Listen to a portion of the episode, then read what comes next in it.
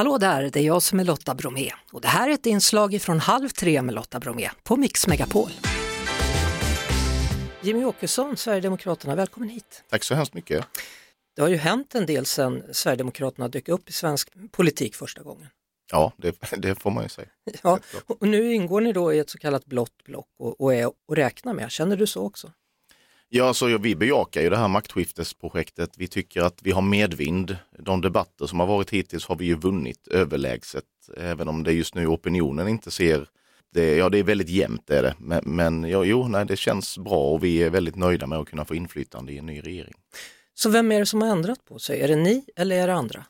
Det är framförallt andra som har närmat sig vår position i de här viktiga frågorna om invandring, integration, kriminalpolitiken, energipolitiken. Samtidigt så, så är det många som uppfattar det som att ni faktiskt har blivit mjukare i en del frågor. Som Johan Persson till exempel när han var här så sa han att ni har ändrat åsikt om NATO, Mm. eh, homosexualitet. Jag har aldrig haft någon särskild åsikt om homosexualitet faktiskt. Men ja, nej, det, det fanns säkert eh, andra uppfattningar för när vi var ett väldigt litet parti. Men vi är ett stort parti idag. Då blir det ganska naturligt att det kommer in olika intressen eh, och då går partiet mer mot liksom, mitten i de här blockskiljande frågorna. En sak som man alltid hör då i diskussionen är att man måste kunna prata med alla partier. Känner du så också? Ja, det har varit min utgångspunkt alltid, att vi pratar med andra partier om man vill få någonting gjort och i synnerhet om man sitter i opposition som vi har gjort i 12 år, då måste man kunna prata med alla partier för att kunna få igenom förslag. Och det har ju det har vi ju fått nu också tillsammans med Moderaterna, Kristdemokraterna, Liberalerna men också med Vänsterpartiet eh, under de senaste åren. Jag har bara tänkt på det där med, med att ändra positioner, för det känns ibland som att ni rensar ut lite folk här och var. Är det så fortfarande tycker du? Ja, men jag tycker alla partier behöver ha en liksom kontinuerlig städning av personer som, som inte hör hemma i ett parti. Även om vi är ett stort parti idag så är vi fortfarande ett ganska nytt parti. Vi växer fortfarande på vissa håll i landet och, och det har ju möjliggjort för personer som kanske inte hör hemma i vårt parti att få positioner. Vad är det som gör dig så arg när det talas om det blåbruna blocket? Men färgen brun betyder ju egentligen bara en sak eh, i politiska sammanhang och det är ju nazist. Eh, det är nazisternas färg. Så att eh, när man kallar mig för brun så kallar man mig indirekt för nazist och det har jag väldigt svårt att acceptera. Samtidigt är det ju så att, att ert parti har främlingsfientliga rötter och till och med en del eh, nazism. Det är ju ingen hemlighet, det stod det ju till och med om i den här vitboken. Ja, att det fanns individer som grundade partiet som hade den typen av bakgrund, det har vi ju känt till länge. Men det betyder ju inte att det är rätt att kalla mig för nazist för det, för jag är inte nazist och vi tar starkt avstånd från nazismen och det tror jag att de flesta väljare förstår idag. Du, vilken ism tillhör du då? Jag har alltid varit nationalist och konservativ. Ehm, och Sverigedemokraterna är ju ett socialkonservativt parti med nationalistisk grundsyn. Hur vill du definiera det på ett enkelt sätt för den som lyssnar? Men nationalismen går ju ut på att alla nationer och, och folk har rätt att eh, bestämma över sin egen utveckling. Vi har rätt till självständighet och det är inte andra utländska intressen som ska forma Sverige utan det ska svenskar göra. Socialkonservatismen handlar ju om att man har en konservativ utgångspunkt. Man, man vill se ett försiktigt framåtskridande, inte liksom radikala förändringar, inte ut med det gamla och in med det nya utan mer försiktighet. Men social kommer ju in i det att vi är, tror jag också på det starka samhället. En stark stat där vi har en omfördelning av resurserna för att alla ska kunna få en bra grundtrygghet. Hur rädd är du för klimathotet? Jag är inte särskilt rädd för klimathotet. Däremot så inser jag att det finns ett sådant hot. Vad tycker du vi kan, behöver göra? Eh, Vi behöver eh, delta i forskning kring modern kärnkraft. Sånt som vi kan exportera sen till de länder som släpper ut mest så att de kan minska sina utsläpp. Det tycker jag är väl den viktigaste delen, inte att vi har världens högsta bränslepriser så att det inte går att köra bil i vårt jättestora land. Du, jag åkte taxi hit med en invandrare. Han bad mig att du skulle säga något snällt om invandrare. Det kan jag gärna göra. Eh, ja, men Sverige har ju haft eh, en väldigt stor invandring och den har generellt sett varit väldigt dålig för Sverige. Men det finns ju många enskilda exempel på människor som har kommit hit från andra länder och som, som jobbar och bidrar till, till samhället och samhällsbygget och det där. Och det försvinner ofta i debatten därför att debatten är så polariserad. Man, man kan flytta till Sverige även om man är född någon annanstans i världen och man kan bli en del av det svenska samhället och, och så och en bidragande del om man vill det. Om man har ambitionen att anpassa sig och lära sig språket och respektera det svenska sättet att leva och sådär. Och många har gjort det och jag är tacksam för det. Och det är inget problem. Problemet är de 700 000 invandrare som inte kan försörja sig själv. Hur ska vi komma till rätta med alla skjutningar? Vi ska låsa in farliga människor. De ska sitta inne länge. Det är helt orimligt att vi släpper ut människor som uppenbart är farliga. Det är det ena. Det andra är att vi måste ha poliser som, som finns i de områden där de här gängen finns, men som också har rätt verktyg och känner ett politiskt stöd i ryggen. Det tror jag kanske har varit en av de allvarligaste sakerna eh, under decennier nu när det här har tillåtits växa fram. Att det har inte funnits något politisk vilja, inget politiskt stöd för polisen att göra sitt jobb. Och då blir det att man istället bjuder på pizza och man knäböjer och man, man bjuder på saft och bulle och det där håller inte längre. Eh, sen är det klart att skolan måste fungera och vi behöver ha en socialtjänst som fungerar också i de här områdena. Det är inte helt lätt för att förtroendet för svenska myndigheter bland ja, invandrare är väldigt lågt i många grupper och det, det, är ju ett jätteproblem som kanske sitter djupare än vi tror. Men, men, hur ska man få det att vända då? Jag menar, vi vaknar nu i stort sett varje morgon till en död kropp hittat. Där är en skjutning, där mm. Och det är knappt så att man reagerar längre och det är ganska skrämmande och det är väl oftast det man hör också. Oj, var det en skjutning idag också? Det, det la jag inte ens märke till. Mm. Det är ju skrämmande att vi har kommit så långt. Straffrabatt? Definitivt inte. Hur kommer det sig att, att uh, andra politiker från andra partier alltid tror att du pratar om invandrare när du pratar om brottslighet? Jag vet faktiskt inte. Det, det, kan ju hänga ihop med att invandrare är kraftigt överrepresenterade i brottsligheten, vilket är ett faktum. Vi vet att ungefär 80 procent av de gängkriminella har invandrarbakgrund och så. Det är svårt att prata om det utan att dra liksom slutsatsen att det i stor del handlar om invandrare och invandring. Men jag tror att man många gånger läser mellan raderna när vi pratar att allt handlar om invandrare hela tiden och det där är ju, det är väl både mitt fel och andras fel. Vilket parti vill du absolut inte jobba med? Vår utgångspunkt har alltid varit att man ska kunna samarbeta med alla partier. Sen är det klart att om man nu ingår i ett regeringsunderlag och, och sluter avtal kring vad man ska samarbeta om, då håller man ju sig till de man har slutit avtal med i de frågorna. Och sen är man väl fri att samarbeta med vem man vill om allt annat. Har ni gjort ett avtal? Finns det ett skriftligt papper? Nej, det finns inga avtal. Eh, utan däremot så har vi ju lagt mycket tid på att diskutera de här processerna. Vi har kommit ganska långt, men, men vi är inte framme än där vi eh, liksom känner oss bekväma med att släppa fram någon statsministerkandidat. Kräver du en regeringspost? Vår utgångspunkt är att sitta i regering eh, om vi ska vara som del av ett regeringsunderlag. Och jag tror att Sverige skulle må väldigt bra av en majoritetsregering. Det var ett tag sedan senast. Men jag drar inga röda linjer. Jag tycker inte att det är rätt läge att göra det. Jag har noterat att till exempel Johan Persson drar röda linjer eh, och många andra är bra på att göra det. Jag tycker inte det är så konstruktivt. Eh, för mig så är det inte så viktigt egentligen hur en regering ser ut, utan det viktiga är vad en regering faktiskt ska göra. Men vad är ditt krav för att stödja Ulf Kristersson som statsminister? Ja, det är ju kan man ju prata om på en väldigt detaljerad nivå, men det tänker jag inte göra. Men däremot så handlar det ju om de frågor som är viktiga för oss och för våra väljare.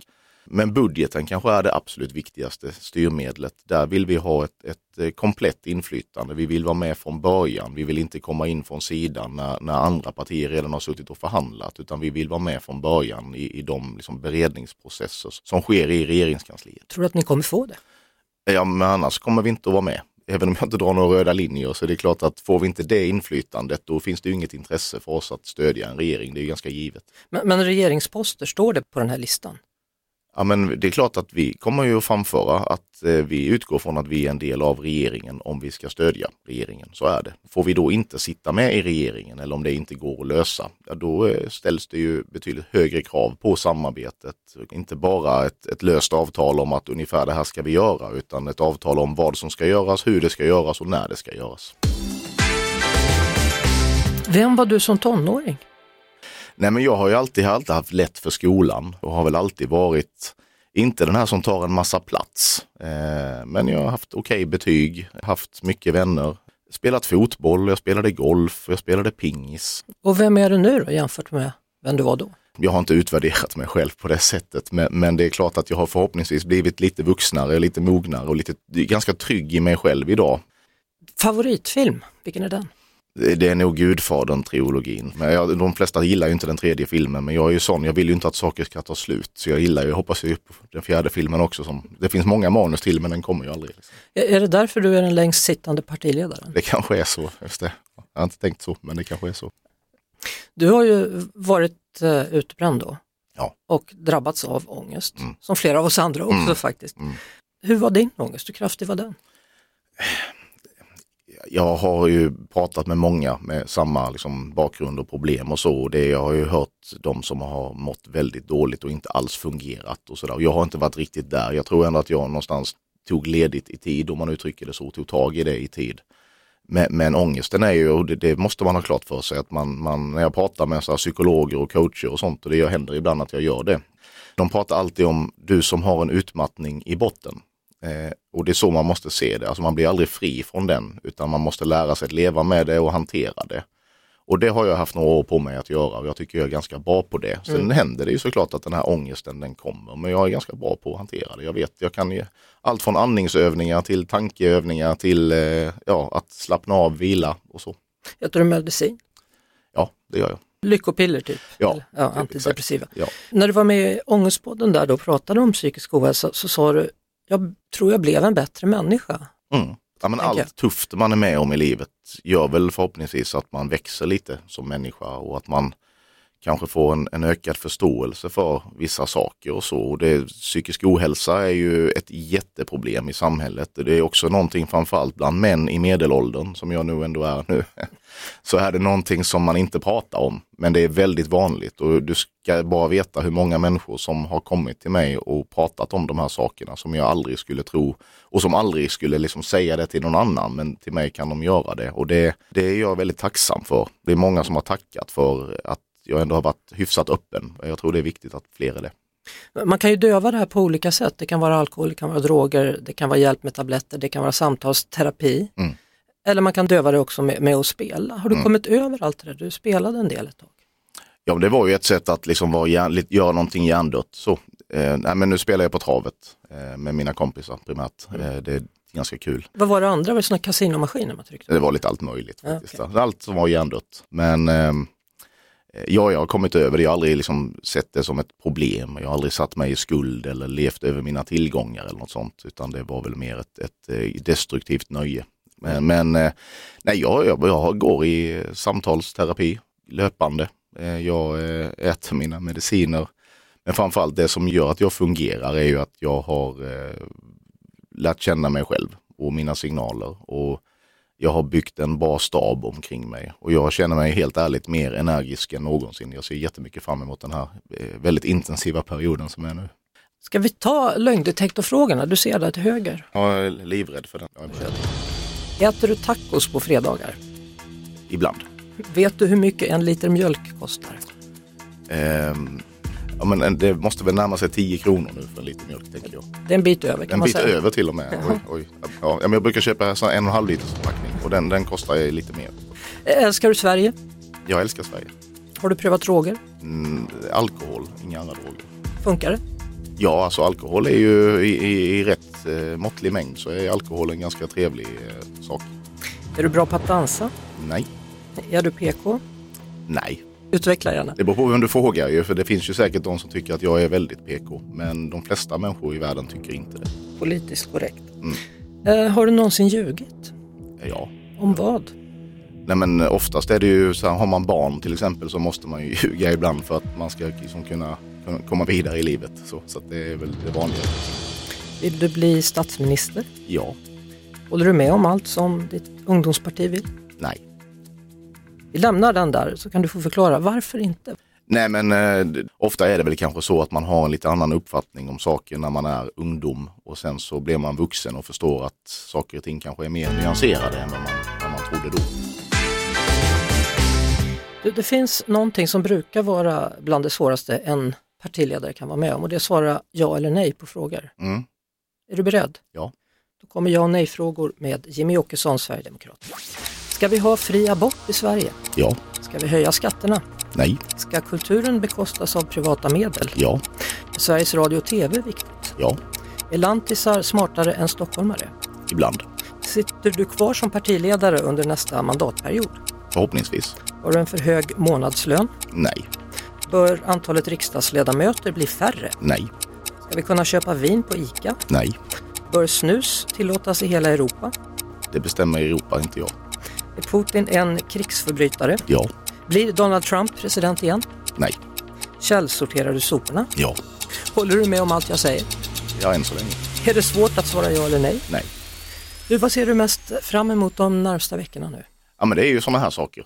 Träffa journalister, träffa väljare, eh, vara med i debatter. Det är ju, att vara i opposition är ju lite av öken faktiskt i, i tre och ett halvt år. Och sen kommer valåret och så drar allting igång och det blir intensivt och det händer roliga saker. Jag glömde en ja och nej-fråga, men den kunde lika gärna platsat in på lögndetektorn. Är du singel? Nej. Nu skakar du lite så här på dig. Var, var... Jaha, hur länge har du varit ihop med någon då? Ja, men eh, jag nöjer mig med att svara nej bara. Ja men då vet vi det, då får vi kolla vem som är i din närhet då, på valnatten. Kanske. Mm. Ja, är du glad? Är du lycklig? Jag är lycklig. Är du kär? Ja. Är du förlovad? Nej. Är du på väg? Nej, det vet jag inte. Tycker du att du har fått ordning på kärlekslivet? Ja, det tycker jag. Vad härligt. Mm. Vi hörs såklart på Mix Megapol varje eftermiddag vid halv tre. Ett poddtips från Podplay. I fallen jag aldrig glömmer djupdyker Hasse Aro i arbetet bakom några av Sveriges mest uppseendeväckande brottsutredningar. Går vi in med hemlig telefonavlyssning och, och då upplever vi att vi får en total förändring av hans beteende. Vad är det som händer nu? Vem är det som läcker? Och så säger han att jag är kriminell, jag har varit kriminell i hela mitt liv men att mörda ett barn, där går min gräns. Nya säsongen av Fallen jag aldrig glömmer på Podplay.